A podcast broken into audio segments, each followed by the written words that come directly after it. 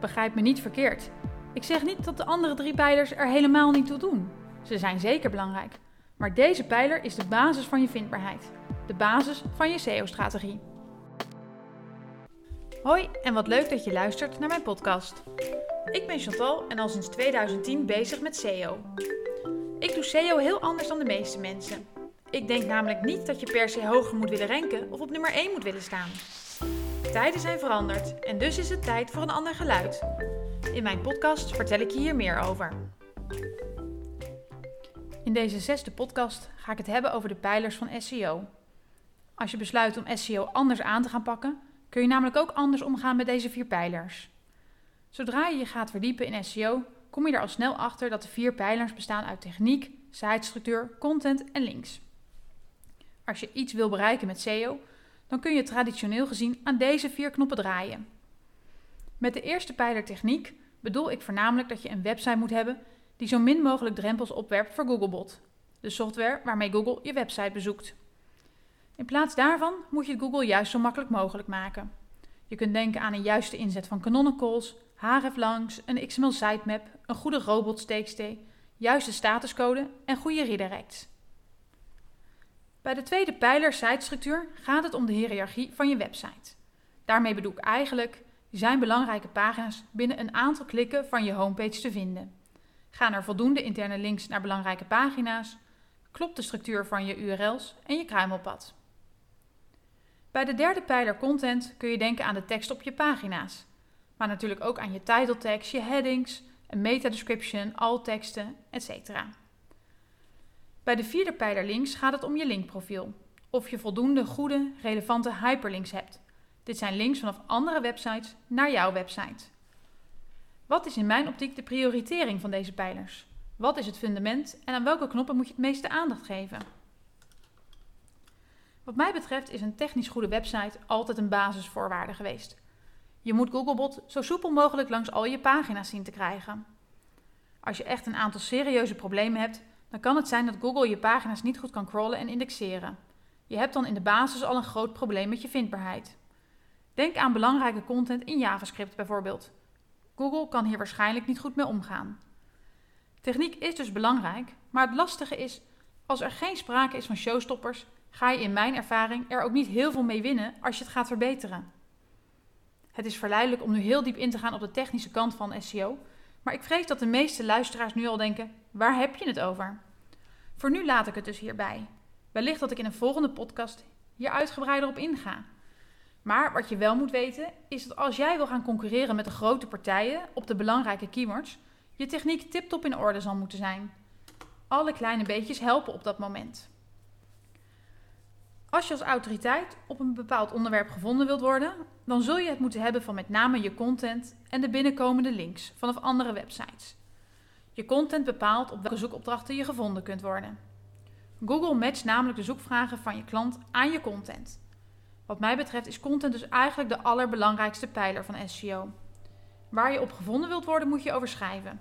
En deze gouden regel staat in 2021 nog steeds als een huis. Je linkprofiel was van oudsher belangrijk als je hoger wilde ranken. Hoe meer relevante links je hebt, hoe beter dat is. Het probleem met links is tegenwoordig alleen dat het heel lastig is om ze op een natuurlijke manier te krijgen. Bijna niemand linkt meer zomaar naar een andere website. Vandaar dat het stikt van de tussenpartijen die links voor je regelen. Lees kopen. Er zijn zeker nog wel manieren om gratis goede links te krijgen, maar daarvoor moet je beschikken over flink wat PR-kracht en de nodige creativiteit in huis hebben. Maar hoe ga je met deze pijlers om als je met horizontale SEO aan de slag gaat? Een strategie waarbij je niet zo hoog mogelijk wil ranken, maar zo breed mogelijk. Wat is dan het belang van je techniek, sitestructuur, content en links? En welke heeft het meeste prioriteit? Zoals al eerder gezegd, bij horizontale SEO gaat het erom zo breed mogelijk te ranken op zoveel mogelijk verschillende zoekopdrachten. En zoals ik net al zei, waar je op gevonden wilt worden, moet je overschrijven. Content is dus de basis van je horizontale SEO-strategie. Het liefst wordt één pagina op ontzettend veel verschillende zoekopdrachten getoond in Google. Het voordeel is dat als je inzet op een strategie waarbij je vindbaar wilt worden in de breedte, je met minder concurrenten te maken hebt. Iedereen is namelijk bezig met hoger ranken, niet met breder ranken. Dat zorgt ervoor dat je op technisch vlak en het linkprofiel de teugels een beetje kunt laten vieren. Echt goede en relevante content is vaak al meer dan voldoende om goed zichtbaar te zijn. In de elf jaar dat ik met SEO bezig ben, is het mij tot nu toe altijd gelukt om met een enorme focus op content heel veel SEO-verkeer aan te trekken. Zelfs met websites waarbij technisch echt niet alles tiptop in orde was, of waarvan het linkprofiel zelfs erg mager was. Wat mij betreft is content dan ook de absolute basis van elke SEO-strategie, mits er geen sprake is van showstoppers op technisch vlak. Als dat zo is, moet je die eerst fixen, maar daarna kun je flink gas geven op content.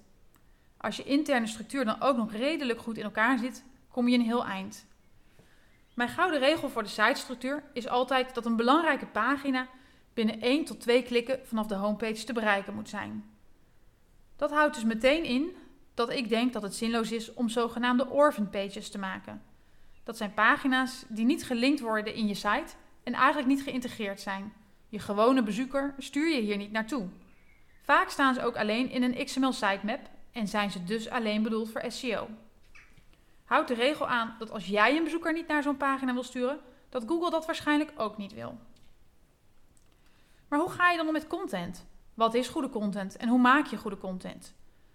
Als je mijn eerdere podcast hebt geluisterd, dan weet je dat ik nauwelijks keyword research doe. Zeker niet als basis van een contentstrategie. De basis is wat mij betreft je eigen kennis van je markt of vakgebied, gecombineerd met de vragen van je klant. Het spreekt dus voor zich dat je je klant door en door moet kennen. Je moet weten wat zijn of haar frustraties zijn, waar iemand tegenaan loopt en waarom iemand op zoek is naar jouw dienst of product en wat die persoon daarmee wil bereiken. Je moet weten wat de meest voorkomende ideeën zijn of misvattingen, of de meest voorkomende associaties, zodat je daarop in kunt gaan. Ik zal dit aan de hand van een voorbeeld verder toelichten. Ik maak deze podcast omdat ik weet dat mensen gefrustreerd zijn als het op SEO aankomt. Ze willen allemaal met SEO aan de slag, maar iedereen heeft meteen de associatie van hoger renken. Dat terwijl ik zo vaak mensen spreek of zie op forums die dat maar niet voor elkaar krijgen, ondanks al hun inspanning. Toch is het doel van iedereen die met SEO aan de slag is hoger te renken. Dat is ook wat iedereen van een SEO-specialist verwacht. Nu ik dit weet, kan ik van mijn doelgroep een soort persona maken. Ik heb ook echt iemand in gedachten die ik laatst sprak over SEO. Ik denk terug aan hoe die persoon dacht, wat die persoon zei en wat die persoon concludeerde. Voor mij is deze ene persoon het voorbeeld van de doelgroep die ik wil bereiken. Omdat ik er zo'n goed beeld bij heb, kon ik meteen een aantal topics bedenken waarvan ik zeker weet dat die persoon dat soort informatie interessant zou vinden. Dit zijn de topics van elke podcast die ik gemaakt heb en nog ga maken. Deze content zet ik op twee manieren in. Ik hoop via Spotify mensen te triggeren met een titel maar natuurlijk wil ik ook via SEO gevonden worden. Daarom maak ik van elke podcast ook een blog op mijn site, zodat Google er ook wat mee kan. Google gaat nou eenmaal heel goed op textuele content en heel veel minder op audiovisuele content. Je hebt dus tekst nodig om ergens op gevonden te worden. Heb ik nu, voordat ik hiermee aan de slag ging, keywordonderzoek gedaan? Nee. De keyword planner gaat me echt niet vertellen welke zoekopdrachten mijn persona heeft. Ik heb het even gecheckt, maar het is echt zo. Volgens de Keyword Planner zoeken mensen wel naar hoe kom ik hoger in Google, maar niet naar waarom rank ik niet hoger in Google of waarom kom ik niet hoger in Google. Terwijl ik durf te wedden dat er echt wel zoekvolume op zo'n zoekterm zit. Ik laat dit dus los en ga aan de slag met wat ik zelf van mijn persona weet. En daar ga ik goede content voor maken. Ik kijk erbij naar wat ik denk dat deze persoon wil weten en wat ik denk dat deze persoon moet willen weten. Daarom heb ik eerder in deze podcast ook niet meer verteld over de technische kant van SEO. Ik vermoed dat de meeste mensen dat helemaal niet zo interessant vinden en zelfs gaan afhaken. Op basis van wat ik denk dat de persoon wil weten rondom dit onderwerp, ben ik aan de slag gegaan. En ik denk dat deze blog gevonden zal gaan worden op zoektermen als pijlers SEO, prioriteitpijlers SEO en misschien wel een longtail zoekopdracht als is content of techniek belangrijker? Waarschijnlijk zijn er nog heel veel meer mogelijke zoekopdrachten die uiteindelijk verkeer naar deze pagina zullen gaan sturen. Bij de personen heb ik dus zoveel mogelijk zoekopdrachten bedacht. Zo'n gesprek van een half uur was voor mij goud waard. Al deze onderwerpen ga ik behandelen, ongeacht of de keyword planner zegt of er zoekvolume op zit.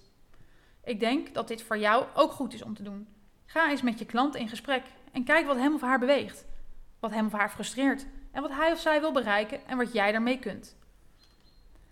En begrijp me niet verkeerd. Ik zeg niet dat techniek, sitestructuur en links er helemaal niet toe doen. Ze zijn zeker belangrijk. Maar content is de basis van je vindbaarheid. Content bepaalt waarop je gevonden kunt worden, hoe breed je gevonden kunt worden. De andere drie pijlers zorgen dat je beter gevonden kunt worden. Een website die technisch helemaal in orde is, maar nauwelijks content heeft, zal dus ook nauwelijks ranken en nauwelijks SEO-verkeer aantrekken. Een website met heel veel goede links, maar zonder relevante content, zal ook maar heel beperkt vindbaar zijn. Als er dus geen showstoppers zijn qua techniek, ga dan aan de slag met content en je zult verbaasd zijn van de resultaten. Zeker als het jou gaat om zo breed mogelijk gevonden te worden. In de podcast van volgende week zal ik dieper ingaan op het opdoen van inspiratie en het maken van goede content. Wil jij niks missen? Volg me dan hier op Spotify of op Instagram. Je vindt me onder Chantal NL.